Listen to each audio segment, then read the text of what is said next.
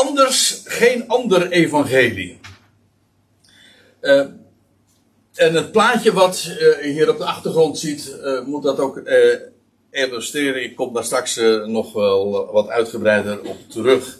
Want je ziet daarin twee keer dezelfde weg op een, op een foto staan. En twee keer dezelfde locatie. En toch, het is in beide gevallen iets anders wat je ziet.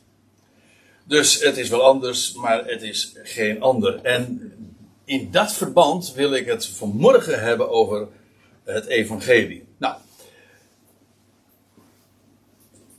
de uitdrukking, de titel die, uh, van vanmorgen, dat is ontleend aan een tekst in Galaten 1. Daar komen we vanzelf nog op. Maar dat is pas wat in een later stadium. Eerst wil ik beginnen met uh, een gedeelte te lezen uit 1 Korinthe 15. En dat is een magistraal hoofdstuk over de opstanding van Jezus Christus. In feite gaat het daarbij ook over de essentie van het evangelie. Namelijk dat God Christus heeft opgewekt uit de doden. In feite hebben we daarmee ook weer het verhaal waar Art het zojuist ook over had. Namelijk over hem die als een rups uh, zich heeft ontpopt tot ja, nieuw leven. En, en, in de hele schepping zie je dat geïllustreerd. Maar in feite is dit uh, de, de expressie ook van waar het in de blijde tijding, het evangelie, over gaat. En dat dat zo is, wel, dat, uh, dat bewijst Paulus ook in 1 Corinthië 15. Hij zegt dan dit. Ik maak jullie bekend, broeders, het evangelie dat ik aan jullie evangeliseer. De tekst is wat letterlijk weergegeven vanuit de grondtekst. En dat jullie ook ontvingen.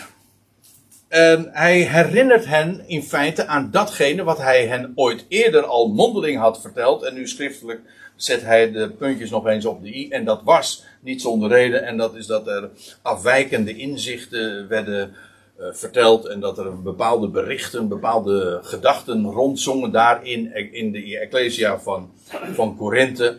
En Paulus gaat daar uh, met gestrekt been tegen in. Uh, maar hij, hij doet dat op een geweldige wijze. Omdat hij de dingen onder bewijs stelt. Hij zegt, het evangelie dat ik aan jullie evangeliseer, dat jullie ook ontvingen, waarin jullie ook staan, ik moet erbij zeggen, niet al te stevig, want aan het einde van dit hoofdstuk, dat is helemaal in vers 58, dan zegt hij van, word standvastig. Met andere woorden, ze stonden wel, maar uh, ze werden gemakkelijk heen en weer bewogen door andersluidende beweringen. Ja, en dan sta je dus niet vast. En vandaar ook dat Paulus uh, uitgebreid uh, moeite doet om, om, om, om hen vast te stellen van, dit is waar het over gaat, dit zijn de consequenties. En dit is de geweldige impact van dat alles. En, en hij wil dat ze daarin staan en standvastig, onwankelbaar zijn. En hij zegt: Dit is ook het evangelie waardoor jullie worden gered. Ik bedoel, uh, redding is er slechts in het feit dat er één is. Dat is de garantie. Dat er één is die de dood heeft overwonnen. En waarmee ook de garantie is gegeven van Gods wegen ik doe wat ik beloof. En datgene wat hem is overkomen, namelijk dat hij de dood achter zich gelaten heeft en onvergankelijk leven aan het licht gebracht heeft, dat is de bestemming, ieder in zijn eigen rangorde, voor heel de mensheid. Nou, dat is een blijde tijding, want het is namelijk niet een, een vraag of niet een programma van wat je moet doen of een filosofie. Nee, het is een historisch feit, een bericht, een goed bericht. En daar kun je niks aan afdoen. Daar, kun je, daar wordt ook niks van je gevraagd. Het heeft niks te maken met de praktijk. Het heeft geweldige consequenties voor de praktijk. Dat wel. Maar ik bedoel, een mens kan er niks aan toedoen en er niks aan afdoen. En dat is waar, wat zo geweldig is. God, uh, ja, die, die laat dat uh, mededelen, herauten als een bericht. Hij zegt, ja, en daarin is de redding gelegen. Namelijk in dat bericht in die goede, blijde tijding. Nou ja.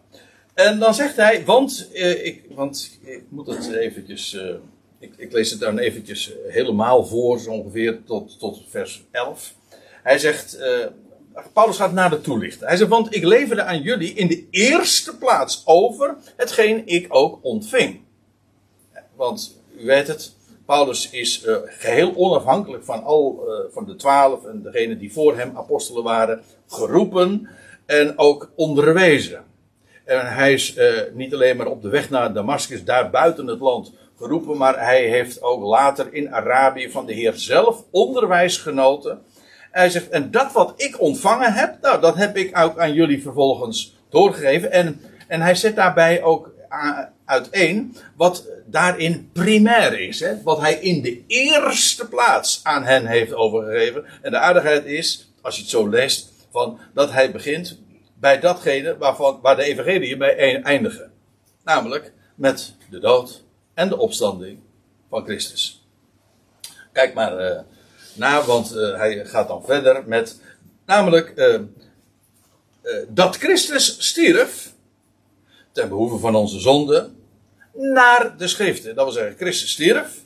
Ja, Ho hoezo? Nou, ten behoeve van de zonde, om ons te verlossen van onze doelloosheid. Want zonde is niks anders dan doel missen. En, en hoe worden we daarvan verlost? Linksom of rechtsom, maar in alle opzichten. Wel, doordat hij stierf, begraven werd en opstond. Christus stierf ten behoeve van onze zonde en dat was naar de schriften. En dat betekent dat uh, alles in de Bijbel, wat wij dan het Oude Testament noemen, daarin was dat al voorzegd en ook tevoren al geïllustreerd. Ik moet er eigenlijk bij zeggen, zoals Art dat ook uh, via een vlindertje dan uh, eigenlijk illustreert. Heel de schepping spreekt ook over dat werk dat God doet. Uh, en het is niet alleen. In, in Gods schepping is het dus weergegeven, maar het is ook in de schriften reeds vastgelegd. En, en, en God heeft dat eindelijk dan, uh, na duizenden jaren, ook precies getimed, uh, vervuld. Christus stierf ten behoeve van onze zonde na de schriften. En dat hij werd begraven en werd opgewekt op de derde dag naar de schriften. Kijk, in feite wat hij hier zegt is uh, letterlijk het ABC van het evangelie. Hier, hier, begint het mee. Dit zijn de elementen. Dit is elementair. Dat wil zeggen, dit zijn de eerste beginselen. Het ABC, heel letterlijk zelfs, van het evangelie. Namelijk, uh, Christus stierf. Hij werd begraven. En hij werd ten derde dagen opgewekt. Ik heb expres eventjes dat woord werd en opgewekt uh, met uh, vette letters weergegeven. Waarom? Omdat daarmee ook is uitgedrukt dat het dat, dat de passieve vorm is. Hij werd opgewekt. Hij was, hij was echt dood. En hij lag in drie dagen in het graf. En vervolgens werd hij opgewekt door God. En dit is, dit is zo elementair, ik zal het straks ook laten zien. En daarom zie je trouwens ook waarom, hoe, hoe de, de christenheid al in een heel vroeg stadium is afgeweken van die boodschap. Want ja, toen heeft men, eh, dat is officieel zelfs zo verklaard, dat uh, in, in, in bij het concilie van Nicea, dat Christus niet de zoon van God is, maar men, men heeft daarvan gemaakt, God, hij is God de zoon. Hij is God zelf. Maar als hij God de zoon is, dan kon hij niet echt sterven. Want God kan niet doodgaan. En dan had hij ook niet een ander nodig om te worden opgewekt. Dus vandaar dat als je gelooft dat wat er officieel allemaal zo beleden wordt en zoals dat in de dogma's en de orthodoxie is vastgelegd, dan kun je nooit van harte geloven dat God hem uit de doden heeft opgewekt. Want hij was zelf God, hij is eigenlijk niet echt dood gegaan. En, en, en hij had ook niet een ander nodig om, te, om, om op te staan. Ja, de Bijbel zegt juist van wel. Dus uh, ik, ik, attendeer dat even op hoe, hoe, hoe subtiel die, die leugens zijn. Uh, hoe, hoe dat is inge, ingewerkt en doorgedrongen, zeg maar, in, ja, in het grote religieuze geheel. Oké. Dit is het ABC dus. Christus stierf, hij werd begraven en werd ten derde dagen opgewekt. Ook weer naar de schriften. En moet je maar eens opletten. Alle tijd in de evangelie, of eh, in het boek Handelingen. Ik zal het straks ook laten zien. Als daar uh, het evangelie gebracht wordt, dan wordt er altijd gezegd van ja, dit is de vervulling van wat God had beloofd. Daarom is het ook een evangelie. God heeft iets beloofd en nu, right time, right place, want het is precies eh, gegaan daar uh, waar het moest gebeuren, ook op de precieze tijdstip dat het moest gebeuren en ook bovendien op de, de wijze zoals het zou gebeuren. Kortom, in alle opzichten. Het is naar de schriften. En ja, ik vind het geweldig. God doet recht aan zijn woord. Dat is de openbaring van Gods rechtvaardigheid. En ja, dit is dus dat ABC. Nou, en dan, en dan Paulus gaat dan verder en hij zegt van, en hij werd gezien, dus hij werd opgewekt uit de doden, op ten derde dagen na de schriften, en hij werd gezien door Kefas, daarna door de twaalf. Hij is zijn lijst niet eens compleet. Maar hij, uh, Kefas, dat is Petrus, daarna door de twaalf. Uh, vervolgens werd hij gezien door meer dan 500 broeders tegelijk. Van wie de meerderheid op dit moment nog over is. Maar sommigen zijn ontslapen. Paulus schrijft dit pakweg in het jaar 50. Dus uh, inmiddels waren daar al 20 jaar voor uh, verstreken. Sinds Christus was, was gestorven en opgestaan. En, maar hij zegt, ja, de meerderheid van degenen die dat ooit, bij die gelegenheid, toen, daar, toen Christus verscheen aan 500 broeders tegelijk. meer dan dat zelfs. Nou, hij zegt, de, de meerderheid kan dat allemaal gewoon nog zo bevestigen. Want zij, zij leven nu nog. Tenminste, in die tijd dat Paulus dit optekende dus. Uh, met andere woorden, het is historisch gedocumenteerd. We hebben het dus niet over, over een sprookje of over een aardige filosofie. We hebben het over een bericht. Een mededeling. Een feit. Dat heeft plaatsgevonden. En dat, ja, wat door getuigen, door ooggetuigen is bevestigd en door vele ooggetuigen is bevestigd. En u weet hoe dat in de, in de juridische wereld gaat. Hè, dat uh, er, er, moeten twee of drie getuigen zijn, wil een zaak vaststaan. Wel, in dit geval, er zijn honderden getuigen. En die bovendien unaniem zijn in dat wat ze getuigen. Het is dus niet zo dat een tegenspreekt wat de ander. Nee, ze zijn gewoon, ze vertellen allemaal exact hetzelfde. Nou, zie daar, dat is het kenmerk van een historisch feit. En uh, Paulus gaat dan verder en vervolgens werd hij gezien door Jacobus, daarna door al de apostelen, want die kring is eigenlijk nog veel groter dan alleen de twaalf. Maar ten laatste, en dat is voor Paulus natuurlijk het meest overtuigende en ook het meest bijzondere, en ook voor ons trouwens. Uh, en ook trouwens, het is echt een, wat je noemt, een buitencategorie. Want Paulus zegt, ten laatste van allen is hij als aan een ontijdig geborene, werd hij gezien ook door mij. Uh, ja, want inmiddels was de. Christus was al ten hemel gevaren. Het was al inmiddels een aantal jaren uh, na de opstanding dat hij uh, hoogstpersoonlijk verschenen is ja, aan, Paulus, aan, aan Saulus van Tarsus, die bovendien ook niet was opgeleid zoals de andere apostelen door Jezus op aarde. Niets van dat al. Het was een, een vijand, eerste klas een verwoester van de Ecclesia. En uitgerekend aan hem verscheen Christus. Nou, uh, en, en daarmee is hij ook het sluitstuk. En de climax. Laatst van alle, als aan een ontijdig geboren werd hij gezien, ook door mij. Hij zegt, ik ben de minste van de apostelen. Om deze reden dus. Ik ben niet toereikend een apostel genoemd te worden. Waarom? Ja, omdat ik de Ecclesia van God heb vervolgd. Maar, zegt hij, door Gods genade ben ik wat ik ben. Ik, dus ik heb het niet gezocht, integendeel zelfs. Maar ik ben in de kladden gegrepen en het is Gods genade die aan mij verscheen. En dat is in feite, is daar, hij, zijn hele geschiedenis is een embleem van dat wat hij vervolgens ging vertellen. Namelijk Gods genade. Die alles overtreft. Die ook niks verwacht van de mens en dat mocht hij uitbezuinen. Ja, buiten het land. Hij was ook geroepen buiten het land. Onder de natie. En maar door Gods genade ben ik wat ik ben en zijn genade aan mij is niet vergeefs geweest. Dus ik heb meer dan, dan zij allemaal gezwoegd. Maar hij haast zich erbij om te zeggen van ja, echter niet ik, maar de genade van God die met mij is. Ik bedoel, ja, hij is zo gegrepen. En dat heeft Gods genade aan hem gedaan. Dus, dus, dus Paulus staat daar dus niet zo van, dat heb ik gedaan. Hij zegt, dit is aan mij, dit is mij overkomen.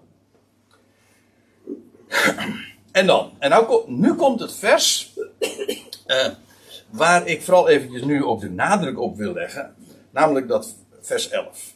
Het zij dan ik, en dan heeft Paulus het dus over zichzelf. Of zij, de apostelen, de twaalf of al de apostelen of al die 500 broeders, het maakt niet uit. Ik of zij, zo herauten wij, of zo prediken wij, zegt de NBG-vertaling, zo proclameren wij. En zo, eigenlijk, het is iets, uh, iets aankondigen, wat een heraut doet. Zo herauten wij en zo geloven jullie het. Dat wil zeggen, dat ABC van dat evangelie, Christus stierf, hij werd begraven. Ja, en waarom? Wel, om op de derde dag te kunnen worden opgewekt uit de doden. Eigenlijk is het zo dat het evangelie is de boodschap dus van de opgewekte Christus. Ja, en aangezien hij slechts opgewekt kon worden als hij eerst zou sterven. Ik bedoel, er is geen opstanding zonder sterven. Dus, maar het feit dat hij stierf en drie dagen in het graf heeft gelegen, bewijst dat hij werkelijk dus dood was. En op de derde dag heeft God hem opgewekt. Wel, dat is de boodschap, de prediking. God heeft Christus naar de schriften, in overeenstemming met wat was geschreven en beloofd, opgewekt uit de doden. Nou, Paulus zegt, dat heb ik ontvangen, dat heb ik verteld. En ongeacht of, het, of je het nou hoort van die twaalf of van wie dan ook, of van mij, hij zegt, dat is de boodschap. Zo herauten wij en zo geloven jullie het. Kijk, en wat hiermee gezegd is, dat uh, de essentie van het evangelie, let goed op wat ik zeg, ik ga straks ook nog wat, uh, wat aantekeningen erbij maken, de essentie van het evangelie, van wat Paulus vertelt en dat wat de twaalf of al de apostelen prediken, is exact hetzelfde. Namelijk de boodschap van de opgewekte Christus. Dat herhaalde hij, Paulus en de twaalf, maar ook eh, zo, dat is wat de boodschap die zij hadden ontvangen en zo waar zij uh, uh, geloven aan hechten, waar hun ogen en oren en harten voor geopend waren. En dat dat inderdaad zo is, wel, ik uh, kan het u laten zien. Want laten we eens eventjes naar het boek Handelingen toe gaan. En dan is het met name Petrus die daarbij gevolgd wordt. Petrus is feitelijk ook de woordvoerder in de praktijk van de twaalf. En kijk maar eens na wat zij, de twaalf, maar dan speciaal Petrus, inderdaad uh, hebben verteld, hebben geherouwd. Nou, laat ik uh, eens eventjes zo door het boek Handelingen bladeren. Het gaat er dus om dat Paulus die zegt van ik of zij, zo prediken wij en zo, uh, en zo geloven jullie. Wel, ik laat nu ook zien, inderdaad, wat Paulus zegt, namelijk de prediking van de opgewekte Christus is niet alleen mijn boodschap, maar ook die van, van, van de twaalf van, van de apostelen. Dat is echt zo. En dat kun je inderdaad aan de hand van het boek Handelingen dus duidelijk ook uh, aantonen. Nou, we zijn in Handelingen 2, dus de Pinksterdag. Dat is dus 50 dagen na de dag van de opstanding. Ook een Joodse hoogtijdag. En dat Petrus dan te midden van de twaalf uh, opstaat en daardoor vlakbij het tempelplein uh, zijn betoog doet. En die gaat verklaren wat er voor wonderlijke dingen er op die dag plaatsvonden. En dan, ja, dan, dan steekt hij van wal. En ja, dan gaat hij allerlei uh, citaten geven uit het boek van de psalmen. En, en om te laten zien, ja, wat er hier nu gebeurt, dat is precies in overeenstemming met wat er in de schriften staat. Nou, en dan zegt hij, ja, jullie, en jullie hebben, kort, kort ervoor, dat was nog maar een paar maanden geleden, zeven, weken uh, geleden, ruim zeven weken geleden, dat jullie Jezus aan het kruis hebben genageld. En, en uh, voorgaande vers was vers 31. Jullie, jullie hebben hem gedood. Maar, en dan, en dan staat in vers 32. Deze Jezus, jullie hebben gedood, deed God opstaan. Waarvan wij allemaal getuigen zijn. En dat getuigen dat moet je heel juridisch opvatten. Een, een getuige is iemand die iets met eigen ogen heeft gezien. Wel, hij zegt, wij kunnen getuigen, unaniem, dat God hem heeft opgewekt uit de doden. Dat, daar staan wij voor. En uh, u ziet het, uh, dit is de boodschap. Kijk, dat Jezus gestorven was, was geen nieuws, want dat wisten ze allemaal. Ik bedoel, dat was een van de grote gebeurtenissen die in dat jaar hebben plaatsgevonden, daar in Jeruzalem.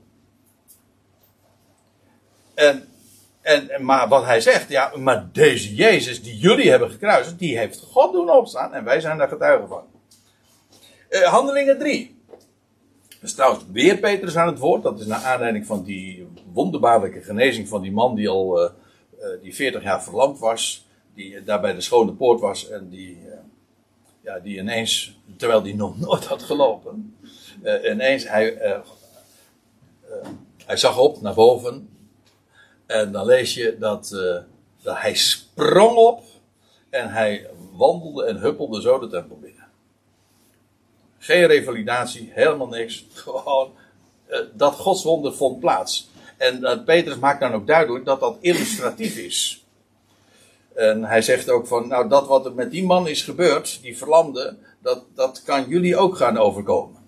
En hij, eigenlijk dat is ook wat hij zegt tegen het volk Israël. Hij zegt dan in Handelingen 3 vers 15, en de leidsman ten leven die jullie hebben gedood, maar God heeft hem opgewekt uit de doden waarvan wij getuigen zijn. Wat is hun getuigenis? Wel, dat God hem uit de doden heeft opgewekt. Uh, nog weer een paar versen later in datzelfde Handelingen 3. En God heeft hem in de eerste plaats voor u, voor jullie, uh, zijn knecht doen opstaan. En hem tot u gezonden en om u te zegenen. Trouwens, ik wil er even op wijzen. Petrus, de twaalf, de twaalf, dat getal staat sowieso al voor Israël, de twaalf stammen. Maar uh, wat, wat getuigen zij dat God Jezus heeft doen opstaan, inderdaad. Maar voor wie deed hij dat? In de eerste plaats primair voor Israël. Want via, dat is wat ja, in, de, in de versie hiervoor ook nog wordt beschreven.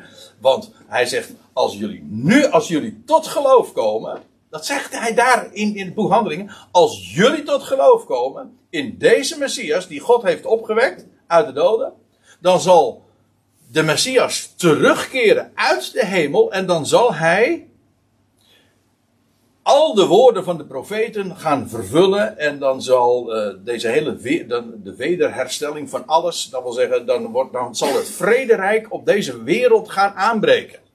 Dus eigenlijk wordt er tegen Israël gezegd, Jullie komen tot geloof en dan zal, en dan zal de Heer terugkomen, de Messias keert terug. En hij gaat dan via Israël het vrederijk op, is, op aarde aanbreken.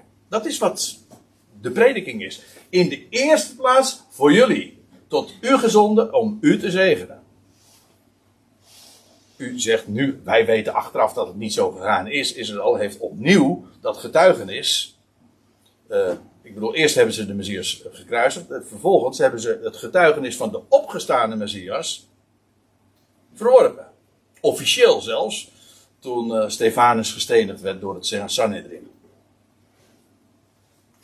Ik lees nog even verder. Uh, hand, dat is handelingen 4. Dan is, staan Petrus en Johannes voor het uh, Sanhedrin. Ze zijn gevangen genomen of ja, ze moeten zich verantwoorden. En dan is het opnieuw Petrus die het woord voert. En dan zegt hij: dan moet aan u allen en het ganse volk van Israël bekend zijn dat door de naam van Jezus Christus, de Nazarener, de Nazoreer, die jullie gekruisigd hebben, maar die God heeft opgewekt uit de doden, dat door die naam deze, die man die 40, die, uh, die 40 jaar verlamd was dus, uh, dat deze hier gezond voor u staat. Dit is eigenlijk in feite nog een vervolg op Handelingen 3 dus. Ook hier weer, wat is de boodschap? Dat, de, dat degene die zij hebben gekruisigd, door God is opgewekt uit de doden. Nou, nog eentje dan. Uh, opnieuw Petrus, die is dan inmiddels in het huis van Cornelius. Gaf heel wat voeten in de aarde voordat hij daar uh, kwam. Want Petrus die wilde eigenlijk helemaal niet naar een heiden toe. Want ja, hij wist ook wel van, ja, de, de natieën die moeten ook het evangelie horen, maar eerst Israël. Israël moet tot geloof komen. Maar goed, uh, God had hem heel duidelijk gemaakt dat hij toch al de deur naar de natieën moest openen. En dan is hij in dat huis van Cornelius, van die Romeinse hoofdman. En dan, dan zegt hij ook weer, hem, en dan heeft hij het uiteraard weer over de Heer Jezus Christus, die door het, volk van, door het Joodse volk was gekruisigd of overgeleverd om gekruisigd te worden. Hem heeft God ten derde dagen opgewekt en hij heeft gegeven dat hij verscheen, niet aan het hele volk, uh, doch aan de getuigen die door God tevoren gekozen waren. Al die tientallen mannen, vrouwen. Maar in ieder geval, via dat getuigenis zou dat gebeuren. Ook hier is het weer het is met opzet natuurlijk dat ik dit iedere keer in dat boldfeest doe. Hem heeft God ten derde dagen opgewekt. Zie daar. Dat is het getuigenis. En ja, dus als Paulus zegt in 1 Corinthië 15. Ik of zij, zo prediken wij en zo geloven jullie. Dan is dat volstrekt in overeenstemming met ja, de historie. Zoals we dat ook van Lucas vernemen, namelijk in het boek Handelingen. Namelijk dat inderdaad ook zij, de twaalf, de apostelen, Petrus, inderdaad predikten aan het volk en zelfs daarbuiten. God heeft Jezus uit de doden opgewekt. Zie daar. Dat is ook de reden waarom hij daadwerkelijk Israëls Messias is. Ja. Nou, uh, dan moet ik er nog eventjes één dingetje bij zeggen. En dat is, waarom moest daar dan eigenlijk, als, als dat getuigenis zo duidelijk was, waarom moest daar dan nog een dertiende getuige bij komen? Wel, dat heeft alles te maken dus met het feit dat Israël die boodschap officieel ook heeft afgewezen. En toen, als je dat leest, bij die steniging van Stefanus, dan komt er een andere man eigenlijk van achter de coulissen die zich al aanmeldt, namelijk Saulus van Tarsus. Die wordt dan vervolgens een hoofdstuk of twee hoofdstukken later geroepen. Ja, en hij, ja, hij is bestemd voor de natie, de apostel van de natie. Oké. U ziet hier uh, op deze pagina, of deze dia, twee uh, Griekse woorden. En die zal ik straks eventjes uh, toelichten. heteros, wacht even niet alles. Wat ik daarmee bedoel is dit. Paulus schrijft de, deze brief, de gelaten brief. Overigens mag ik even reclame maken. Ik heb zojuist, of uh, twee dagen geleden, heb ik een, uh, een, een proefexemplaar gekregen van, van een boek dat deze week gaat uitkomen. De schrijver is mij wel bekend. Dat weet ik zelf namelijk. Over de gelatenbrief. O dwaze galaten. Met een prachtige, met een prachtige cover, niet waar de art. O dwaze galaten. En dat is een, een vers vers commentaar op, de, op deze brief. Ik ben daar, ik ben daar erg intensief mee bezig geweest. Nou, in ieder geval, dat heb ik bij deze dan ook even gemeld. Maar deze, deze gelaten brief, ja, daarin schrijft Paulus aan, aan, een, een, aantal aan, aan ecclesia's in een regio, Galatië. En is hij eigenlijk helemaal ja, echt ontsteld. En hij is verbijsterd over het feit dat zij afgeweken zijn van de boodschap die hij hen had gepredikt. Hij had de boodschap van genade gepredikt. En die, gelo die gelovige gelaten, die, ja, die hadden dat, dat, dat goede bericht van hem ontvangen. En, en nu waren er mensen binnengedrongen, judaïseerders, die de, de gemeente wilden judaïseren, zo wordt dat genoemd. Ze wilden hen verjoodsen. En de Shabbat, de kosher, en de besnijdenis en zo wilden ze invoeren.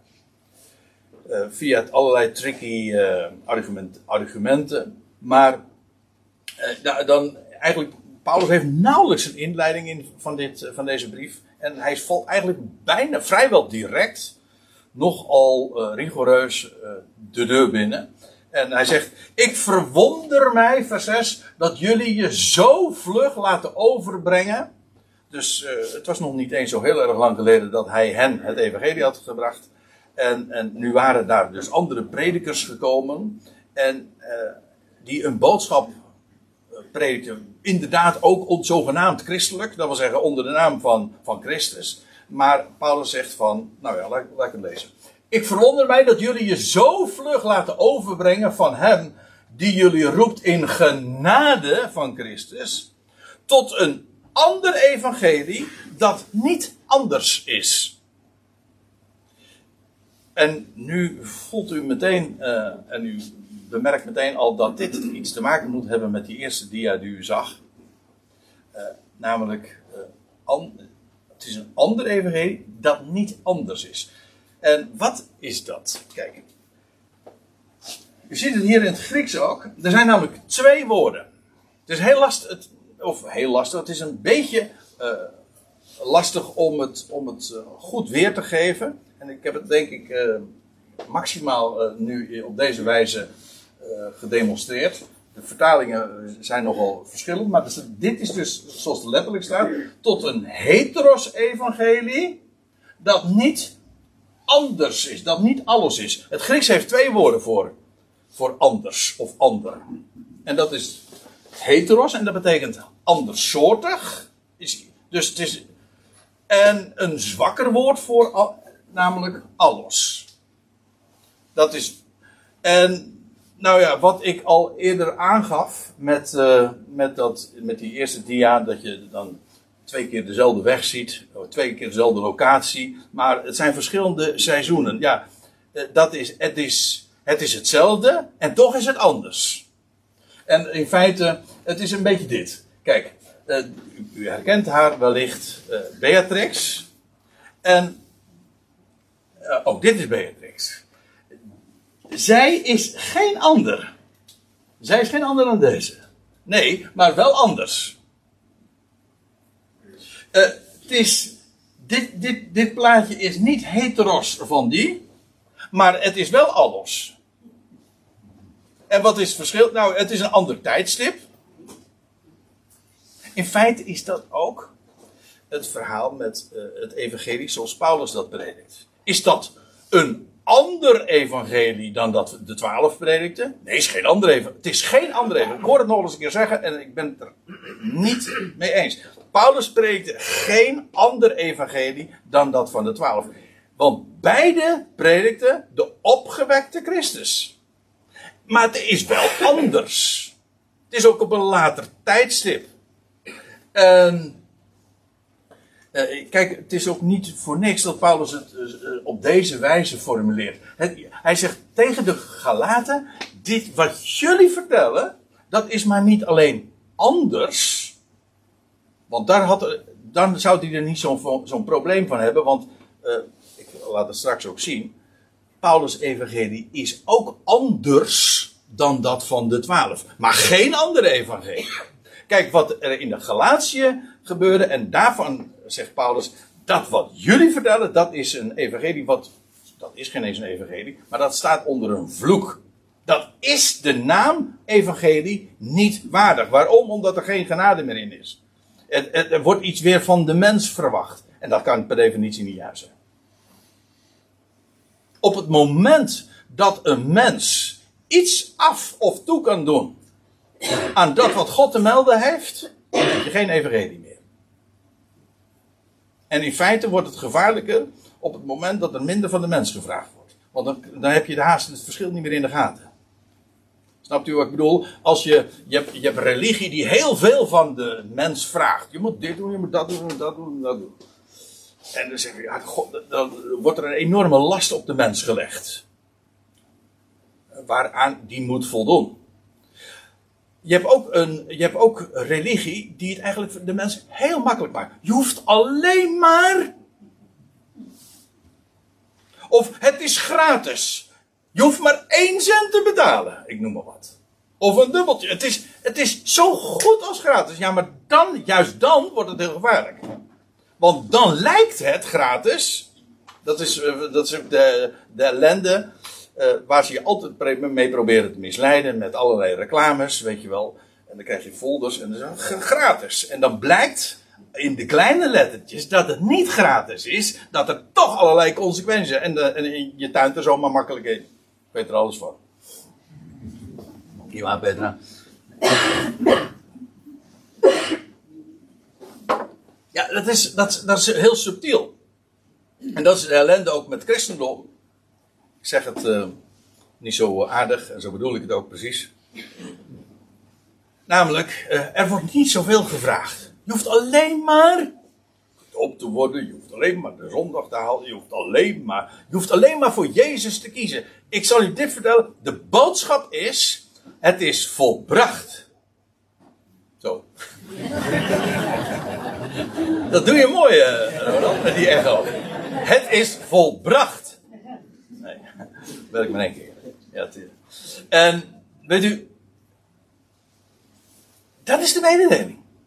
God heeft Christus Jezus uit de doden opgewekt. En dat is de garantie.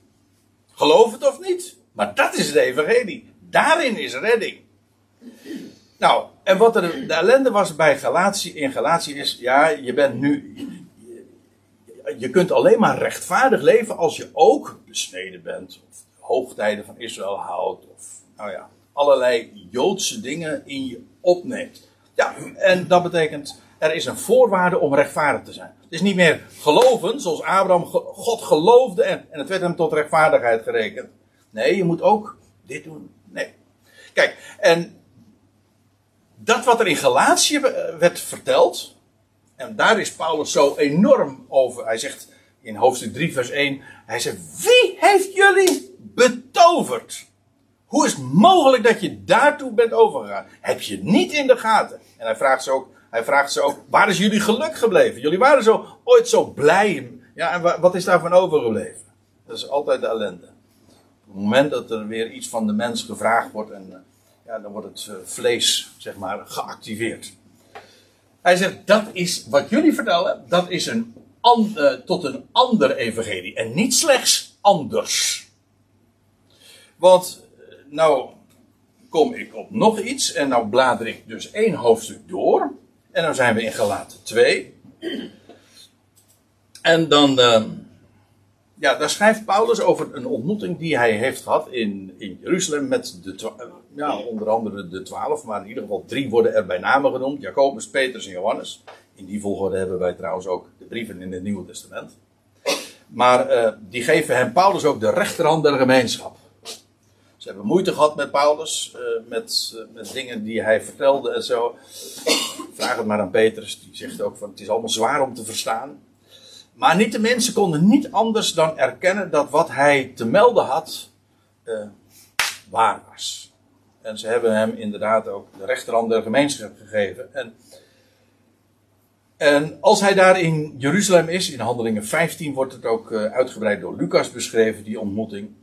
En dan staat er dit. Uh, toen, uh, integendeel, uh, toen zij waarnamen, zij, dat zijn, de, dat zijn de apostelen daar in Jeruzalem, de, de, de steunpilaren. Toen zij waarnamen dat aan mij het evangelie van de voorhuid is toevertrouwd. Ja, wat is dat evangelie? Nou, dat is een evangelie waarin de besnijderis geen rol speelt. De voorhuid is een wel technische term, maar uh, betekent gewoon, ja, je bent besneden of je bent niet besneden, of je hebt de voorhuid wel of je hebt de voorhuid niet. Het is in feite, de, de besnijdenis in feite, het is niet alleen maar het, het, de naam van een ritueel, maar het is ook de naam van het volk. Het, de besnijdenis betekent gewoon Israël. Het volk dat de besnijdenis heeft en ook alle voorrechten die daarmee verband houden. Nou, Paulus' evangelie staat daar los van. Ontkent niet de voorrechten van de besnijdenis, maar in zijn evangelie speelt de besnijdenis geen rol. En vandaar ook dat hij het noemt het evangelie van de voorhuid. Helaas, helaas, helaas wordt het in de moderne vertalingen weer anders weergegeven en wordt het alleen, uh, wordt er gezegd van het evangelie aan de voorhuid of aan de onbesnedenen. Maar het is niet een kwestie van adressering. Het, is, het, het zegt iets over de boodschap of de entourage de, ja, van, van, van dat wat verteld wordt. Uh, toen zij waarnamen dat aan mij het evangelie van de voorhuid is toevertrouwd, waarin de besnijdenis geen enkele rol speelde, zoals Petrus, zoals aan Petrus dat van de besnijdenis. En kijk, dit is wat ik bedoel. Het evangelie zoals Paulus dat bracht, is anders dan dat van Petrus en de andere van de twaalf. Ja, want aan Paulus was het evangelie van de vooruit aan Petrus dat van de besnijdenis. Dat is dus anders. Geen ander evangelie, want ook Petrus predikte de opgewekte Christus. Alleen het perspectief was anders. Je zou het eventjes in computertermen kunnen zeggen, Paulus is in feite geüpdate. Ik bedoel, het was jaren later, het was inmiddels, de situatie was een andere. Israël heeft officieel het evangelie af, afgewezen. De situatie was anders. Het evangelie ging nu naar de natieën. Dus de situatie was een andere, het tijdstip was een andere. Het was dus anders. Maar de boodschap van de opgewekte Christus blijft identiek. Paulus is ook niet geroepen uh, door de opgewekte Christus op aarde, zoals de twaalf de twaalf hadden een opleiding gekregen hier op aarde. Ook uh, na de opstanding, gedurende die 40 dagen, hebben zij de opgewekte Heer hier op aarde ontmoet. Paulus niet. Die, die werd geroepen vanuit de hemel. Ziet u? Dat is een andere situatie. Ook buiten het land. Onder de natie. Heb je het weer? Vooruit. Ziet u, dat, dat is anders. Niet een ander evangelie, want nogmaals, Ehm, kijk, in dat evangelie van, van Petrus, dat, het evangelie dat Petrus predikte, dat, daar speelt de besnijdenis is prominent. Ik bedoel, het is de boodschap aan Israël dat zij tot geloof zouden komen en dat als zij tot geloof komen, dan zal de Messias terugkeren en dan zal via Israël het heil wereldwijd aanbreken en, en het koninkrijk gevestigd worden. Ja, dat is de evangelie van de besnijdenis. Weet u, dat blijft waar hoor. Straks, als Gods plan, eh, zeg maar, als Gods plan met de, de, de gemeente, met deze Ecclesia voorbij is, eh, afgelopen is, en, of in, uh, en, en de gemeente gaat de Heer tegemoet in de lucht, waar Art het ook al over had. Ja, dan pakt God de draad weer op met Israël. En dan heb je weer twee getuigen in Jeruzalem. En, nou, zo, zo begint dat dan. En dan wordt dit alsnog weer actueel. En al die brieven die we in het Nieuwe Testament vinden van Jacobus, Petrus en Johannes gaan dan weer actueel worden. Hoogst actueel. En nu? Ja, nu leven we in die interval, in die pauze. Die tijd dat Paulus, zeg maar, de boodschap predikt. Wel, ik hoop dat u inderdaad begrijpt, dit is anders. Maar waar het accent vanmorgen op ligt, het is hetzelfde evangelie, in de, base, in de basis. Hè. De basics, de het ABC, de elementen, die zijn identiek. Dus, als ik het even schematisch mag voorstellen. Het evangelie van de besnijding, dus evangelie van de voorhuid. Het is anders, maar de, de, het gemeenschappelijke, de, de overlap, de common ground zeggen ze dan in het Engels. Dat is deze boodschap. En ik bedoel dat even als embleem van het geopende graf. De steen die is weggewenteld. Zowel in het evangelie van de besnijdenis, dat aan Petrus en de twaalf was toevertrouwd, als in het evangelie van de vooruit, dat Paulus onder de natie predikt, is dit de boodschap. De opgewekte Christus. Maakt geen verschil in dat opzicht. Ja, Alleen in het evangelie van de besnijdenis, ja, daar is uh, de boodschap, God roept Israël, hè, de besnijdenis. Terwijl in het evangelie van de voorhuid, God roept een heidensvolk. In feite is het ook zo dat uh, in, in het verhaal van, uh, dat zoals Paulus dat ook predikt, dat de Joden bij dat volk zich voegen. Waarin de twee één geworden zijn. Waarin het verschil, de onderscheiden plaats van de besnijdenis geen enkele rol meer speelt. Nog niet zo lang geleden hadden we het over Romeinen 11, weet je nog? Hier op deze locatie. Dat, uh, dat God door een, een, een dwaas volk, een uh, Israël, het Joodse volk, tot jaloezie roept. Ja, het evangelie van de besnijdenis heeft een aardsperspectief. Ik bedoel ook dit te zeggen, het is gepredikt door, waar ik het zojuist over had, door de twaalf die de Heer op aarde kenden. Trouwens ook met het oog op wat er hier op aarde gaat plaatsvinden, in via Jeruzalem en met de volkerenwereld.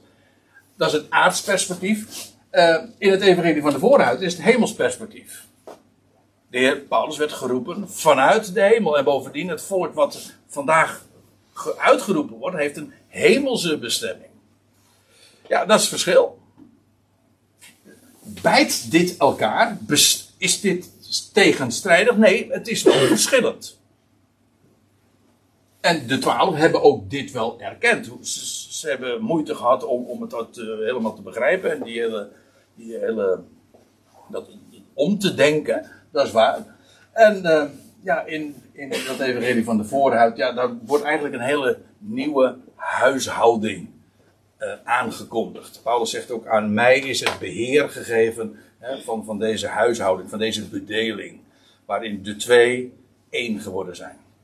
Dus dat is deze tijd. Dat is een onderbreking. God gaat straks weer de draad oppakken met Israël. Maar één ding, en laat ik daarmee eindigen. Eén ding eh, blijft daarbij identiek. De opgewekte Christus. Ongeacht of we hem kennen zoals de, de twaalf hem kenden, hier op aarde, zoals hij hier verscheen, en, en dat hij straks ook hier op aarde zal verschijnen. Of dat we hem kennen zoals hij nu is, daar aan Gods rechterhand, en dat wij straks ook die, die richting op gaan. Maar in beide gevallen hebben we het over de opgewekte Christus. Dat is uh, volstrekt identiek. Dus geen ander evangelie, maar inderdaad wel anders. Nou, dat is uh, wat ik vanmorgen graag eens uh, wilde onderstrepen. En ik hoop dat ik daarmee ook het een en ander wat duidelijker heb kunnen en mogen maken.